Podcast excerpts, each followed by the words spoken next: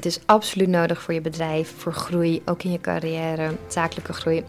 Maar zie het niet als de heilige graal.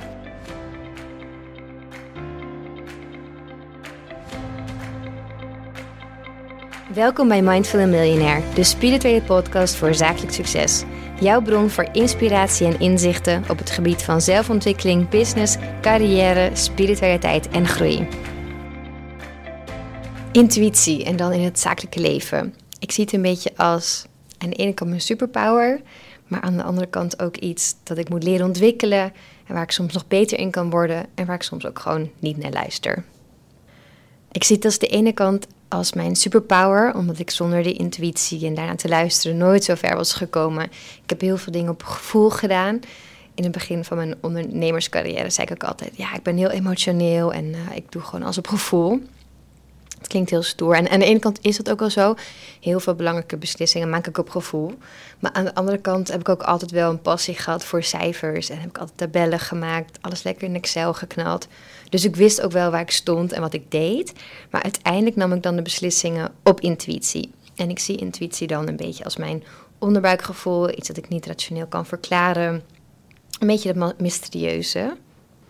En eigenlijk een beetje de vrouwelijke energie in mij tegenover de meer mannelijke energie, het meer rationele, alles op cijfers en feiten gebaseerd. En ik ben dus niet team intuïtie of team rationele feiten en cijfers. Ik ben echt wel voor allebei. Maar wat ik nu vaak zie, vooral bijvoorbeeld in de juridische wereld en ondernemers om mij heen, is dat de cijfers en de feiten toch belangrijk worden geacht dan intuïtie. En ik ben echt wel voor beide. Ik denk dat je beide nodig hebt om een business te kunnen laten groeien. Wat ik wel lastig vind aan intuïtie, want het klinkt natuurlijk heel mooi en luister naar je gevoel, ja, dat moeten we allemaal doen. Ik denk dat iedereen die naar deze podcast luistert daar ook wel mee eens is. Maar aan de andere kant, wanneer is iets een waarschuwing vanuit je intuïtie en wanneer is het misschien toch een soort blokkade, een angst of een gedachte die jou iets probeert tegen te houden? Ik vind het soms lastig om te onderscheiden. Waar ligt de scheidingslijn? Iets, ik kan denken, hmm, mijn intuïtie vertelt mij om dit niet te doen. Dus ik ga het niet doen, want ik luister naar mijn gevoel. Maar het kan ook een soort angst zijn die jou in jouw comfortzone wil houden. Jouw ego die denkt, nee, blijf maar hier, want hier is het veilig. Dus blijf maar lekker bij mij. Dat vind ik soms lastig. En als ik naar mezelf kijk, dan denk ik van, ja, intuïtie is vooral als ik iets moet doen en weet, ja, dit moet ik doen, ook al heb ik daar niet alle onderbouwende cijfers voor. En als ik denk dat ik iets niet moet doen, dan is het vaak dat stemmetje in mij dat zegt, nee, doe maar niet, want uh, dat komt allemaal niet goed en dan gaat het vast mis. Maar dit is niet altijd zo. Soms moet ik ook echt iets niet doen, omdat ik mezelf gewoon overwerk. En denk ik, ja, het zou voor alle dingen goed zijn als ik het wel doe. Maar mijn gevoel zegt echt even niet. En dan is het echt geen angst. Dan is het gewoon mijn intuïtie die weet, ja, dit heb je al zo vaak verkeerd gedaan. Neem nou even rust. Dus het, zo zwart-wit is het nou ook weer niet. Een intuïtie klinkt soms als iets ongrijpbaars en dat je het niet echt, ja, een soort six sense, maar wat doe je er nou precies mee? Vrouwen zijn er beter in. Maar het is dus niet iets mysterieus. Er zijn heel veel onderzoeken naar gedaan. Wat ik één ervan vond ik heel erg mooi, een onderzoek van Yale. En dat was dan dat uh, proefpersonen die kregen heel snel een flits van een afbeelding te zien. Zo snel dat ze eigenlijk niet konden inschatten. Ze wisten niet wat ze hadden gezien. Maar ze wisten daarna wel of het positief of negatief was. Dus zonder dat ze het echt bewust hadden gezien, was het gevoel al wel overgekomen. Dus je intuïtie zei al nee, dit is positief of negatief, zonder dat je het echt zei. Dat vond ik zo mooi. Oké, intuïtie is dus belangrijk. Het is ook iets echt bestaan. Er zijn allemaal onderzoeken naar gedaan. Je hebt het ook nodig in je business, vind ik echt. Want ja, alle cijfers, alle boeken, alle feiten, alle theorieën. Als het alleen daaraan lag, dan kon iedereen het wel. Dan was iedereen succesvol en had een groot bedrijf, wie dat natuurlijk wilde. Of had de allerbeste carrière, of zat in het bestuur. Maar er is, er is iets ongrijpbaars toch wel. En dat is volgens mij die intuïtie die je brengt waar je wilt zijn. En als ik bij mezelf kijk en hoe ik die intuïtie kan verbeteren, want daar zit echt nog wel een leerproces, dan is het echt de verstilling opzoeken. Dus voor mij werkt mediteren heel erg. Dan komen ook allemaal dingen naar de oppervlakte waarvan ik denk, oef, dat zit er toch nog wel in. Daar mag ik meer naar luisteren. Dingen die ik heb weggedrukt. Uh, een kaart trekken werkt ook heel goed bij mij, want ik ben soms zo van het nadenken dat ik niet meer echt weet welke stem nou van mij is en welke van mijn angsten en welke van mijn beperkende gedachten of welke van iets dat ik heb gelezen. Als ik dan een kaart trek, dan schiet mijn onderbewustzijn eigenlijk direct naar waar ik op dat moment echt mee bezig ben. En dat is volgens mij iets wat mijn intuïtie dan probeert te vertellen. En dan onbewust maak ik die connectie en dan weet ik het gelijk. En op die manier probeer ik wat meer dan naar mijn intuïtie te luisteren als ik er niet direct bij kom. Want idealiter is intuïtie natuurlijk je onderbuikgevoel dat je direct weet, ja, dit moet ik doen, dit is het. Maar zo simpel is het niet altijd. En daarom wil ik ook deze podcast opnemen. Want het klinkt altijd zoiets van: ja, je moet naar je intuïtie luisteren. En hoe sterker, hoe beter. En dat kan wel zo zijn, maar niet, voor niet iedereen is dat even makkelijk. Voor mij ook niet. En ook dat onderscheid te maken: wat is intuïtie? Uh, wat moet je gewoon niet doen? Dat is ook lastig. Dus vandaar deze podcast en dat ik dit best wel een belangrijk onderwerp vind. En een kaart trekken of mediteren zijn dingen die je vooraf vooral kunt doen. Maar wat mij ook heel erg helpt, is achteraf kijken van... hé, hey, toen luisterde ik echt naar mijn intuïtie en dat heeft zo uitgepakt. Of toen heb ik echt iets genegeerd omdat het zo'n goede kans leek of omdat de cijfers klopten. Dus ik heb het toch gedaan. En hoe is dat uitgepakt? Daarbij kan journalen heel erg helpen. Zodat je het ook echt op papier hebt en weet van, oh ja, dit is er gebeurd. Want ons geheugen kan dingen ook heel mooi vervormen. Zo kun je denken, ja, dat zei ik toch. Maar dan, als je het echt terugleest, dan weet je of het ook echt zo is. Dus ja, journalen kan heel erg achteraf helpen om alles in perspectief te zetten. Iets wat totaal niet helpt bij het ontwikkelen van je intuïtie is stress. Als er heel veel stress is, heel veel, dan is heel veel ruis. En dan is het heel moeilijk om te zien ja, welke stem van jou is en wat je intuïtie probeert te vertellen. Dus de stilte opzoeken is echt de allermakkelijkste tip eigenlijk. Lekker de natuur in. Voor mij helpt in bad ook altijd bij water. En dan opeens komt het dat je denkt, ja, hoe heb ik dit ook anders kunnen zien? Ik had het laatst nog ik had eerst vanuit een hele erge haast en heel veel stress en heel veel chaos in mijn hoofd... had ik een keuze gemaakt waar ik gewoon echt achteraf niet blij mee was.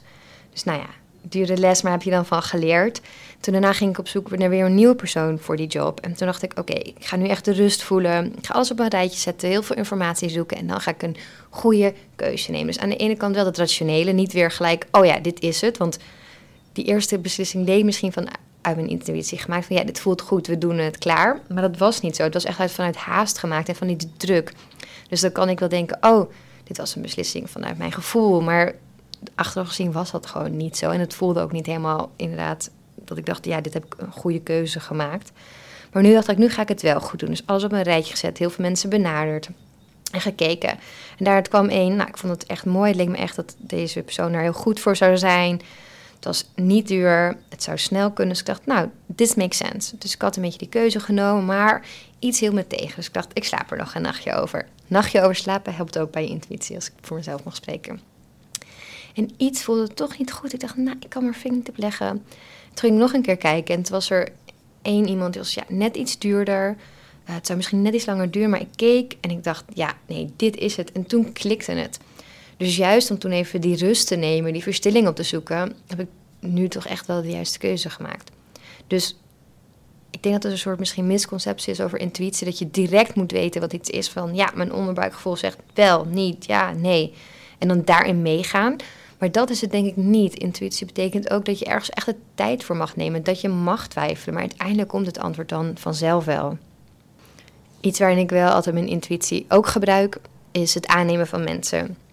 Niet dat ik nou zulke goede mensenkennis heb. Ik wil ook niet zeggen dat we een 100% goede higher rate hebben. Maar wel dat ik dat gewoon heel erg belangrijk vind. En in het begin namen vooral juristen aan. Nou, juristen hebben wel papieren nodig en soms ook ervaring. Dus dan dacht ik, nou, het rationele, dat zit al aan de voorkant goed. Iedereen die op gesprek komt, die zou gewoon goed zijn voor de baan. Dus nu moet ik gewoon kiezen. Soms zagen we echt wel tien mensen. En dan dacht ik van, hm, lastig. Maar dan ging ik altijd gewoon naar mijn eerste gevoel. En toen dacht ik, hoe zit dat dan met iemand anders gevoel? En Esther, mijn toen nog uh, office manager, die echt van alles deed, die haalde altijd de mensen op van beneden. Dan stond ze met ze in de lift en dan kwamen ze boven en dan bleef ze af bij het gesprek. Hadden een gesprek, duurt altijd kort bij ons, kwartiertje misschien. En dan had ik mijn oordeel wel klaar. En altijd achteraf hadden we hetzelfde idee. Dus zij in die twee seconden, nou misschien één minuut dat ze in de lift stond, kwam ze altijd tot hetzelfde oordeel als ik. Tot één keer niet. Toen zei ze, nee, en toen zei ik, ja, ja, ik dacht ook eerst nee, maar deze persoon heeft me echt overtuigd in het gesprek. Dus ja, we gaan het doen. Dus nou, oké. Gedaan. In de proeftijd al beëindigd. Ja, het ging gewoon niet goed. Er was gewoon toch geen klik. En dat, nee, het ging allemaal echt niet goed. Dus toen dacht ik, ja, haar intuïtie was gewoon zo sterk. En ik had misschien ook naar mijn innerste intuïtie moeten luisteren. Maar goed, dat kun je niet weten. Ik dacht, we gaan gewoon de kansen aan. Maar daar heb ik wel weer van geleerd. Dat misschien een eerste indruk mag je natuurlijk niet zeggen, maar toch wel echt belangrijk is. En dat is voor de juristen die we aannemen. Bij eigenlijk alle overige rollen is het juist andersom. Want heel veel ja, banen eigenlijk op mijn kantoor die zijn heel erg gegroeid. Dus ik geloof heel erg in jobcrafting, dat je echt de baan kan maken die bij jou past, kan boetseren. Dus ik neem niet iemand aan van, oh, jij wordt dit. Eigenlijk, als ik terugkijk, is bijna iedereen als een soort manager van alles aangenomen. Heel veel ook op het secretariaat. En vanuit daar zijn ze gegroeid. Dus daarvoor hoeft iemand niet een opleiding te hebben of ervaring of wat dan ook. Ja, dat maakt mij eigenlijk niet zoveel uit. Dus dan kijk ik echt van, oh, hebben we een klik met deze persoon? Voelt hij goed bij de organisatie? Deze onze gedachten goed en onze kernwaarden? En ja, is er gewoon een klik? Als dat zo is, dan, ja, is het nodig om nog bijvoorbeeld een schrijftest te doen als je heel veel gaat schrijven, sommige ook niet. Dus dan, dan gaat het eigenlijk puur op intuïtie. En dan vanuit daar gaan we dan verder kijken waar iemand helemaal past en wat voor baan eruit komt. Dus in die zin gebruik ik al sinds het begin eigenlijk heel veel mijn intuïtie in het bedrijf. Iets anders, waar ik het ook echt veel gebruik, is groei. Ik heb mezelf altijd het doel gesteld om heel hard te groeien met het bedrijf. En dat was dus mijn focus. Maar dat vond ik lastig. Kijk, ik heb alle cijfers natuurlijk op een rijtje. Hoeveel zaken we aannemen, hoeveel uren we schrijven, het geld dat binnenkomt, dat eruit gaat, de mensen. Alles had ik altijd op een rijtje. Maar dan is het nog lastig om te zeggen, oké, wanneer open je een nieuw kantoor? We hebben nu kantoren, de, de eerste was in Amsterdam, daarna in Groningen, daarna in Deventer en net eentje in Rotterdam geopend. En dat is gewoon heel lastig. Groningen kwam eigenlijk ja, uit een gevoel, want daar zaten al mensen. Dus dacht, ja, dat gaan we gewoon doen. Het voelt goed. Misschien niet de meest logische keus, maar het voelt gewoon goed. Dus dat hebben we gewoon gedaan. Toen kwam de tweede Deventer. dacht, ja, dat is weer een mooie andere uithoek. Konden we iemand vinden die echt perfect bij ons paste. Dus dacht, ja, dit moeten we gewoon doen. Dit is gewoon perfect. Deze persoon is gewoon, die, die past zo bij ons bedrijf, heerlijk. Dus nou, ook in die zin echt puur op intuïtie gedaan. Super blij mee. Is nu ook al best wel een groot kantoor aan het worden. En de laatste was toen Rotterdam. Dat was tijdens corona. Al onze concurrenten hebben heel veel eh, NOW aangevraagd. Wij gelukkig niet nodig gehad. Ook niet aangevraagd. Maar ja, dan is een kantoor open natuurlijk wel echt het anderste uiterste. Maar ik dacht gewoon, ja, we moeten iets doen. Want we gingen echt een beetje, ja, ik ging, ja, voor mezelf te spreken dan, ik ging echt een beetje kapot van binnen. Je kon nog zo weinig doen en ik miste alle interactie op kantoor en alle energie. En ik dacht, we moeten juist gewoon uitbreiden. Juist nu we stilstaan, moeten we iets gaan doen om te groeien. En toen heb ik natuurlijk wel gekeken, oké, heel veel van onze cliënten zitten in Rotterdam. Er is een goede universiteit met een master die aansluit op ons vakgebied. Dus die was eigenlijk zowel intuïtief als rationeel. Maar mijn intuïtie zei wel, ja, het moet nu, juist nu. En dat hebben we toen ook heel snel wel geregeld. Dus een beetje mijn takeaways over intuïtie. Het is absoluut nodig voor je bedrijf, voor groei, ook in je carrière, zakelijke groei. Absoluut nodig. Laat het er zijn, het mag er zijn. Luister ernaar. Geef de ruimte. Geef ook de ruimte om het te ontwikkelen. Maar zie het niet als de heilige graal. Je hebt ook cijfers, feiten, informatie nodig. Dus ik denk de combinatie van beide is, is echt goud waard.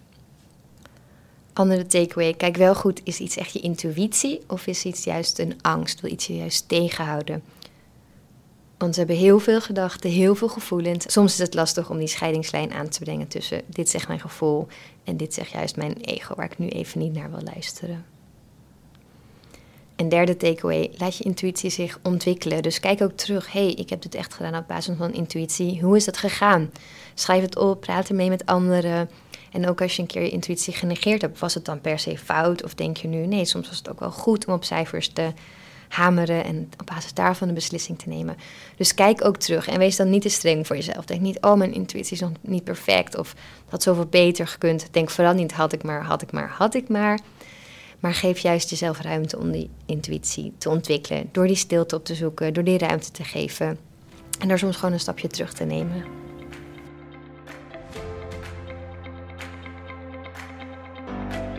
Je luisterde naar Mindful Millionaire, de podcast. Ik hoop dat deze episode je nieuwe inzichten, inspiratie en ideeën heeft gegeven. Mocht dat zo zijn, dan ben ik je super dankbaar als je deze podcast deelt, volgt reviewt of een shout-out geeft op Instagram via Steffi Roos Dankjewel en tot snel.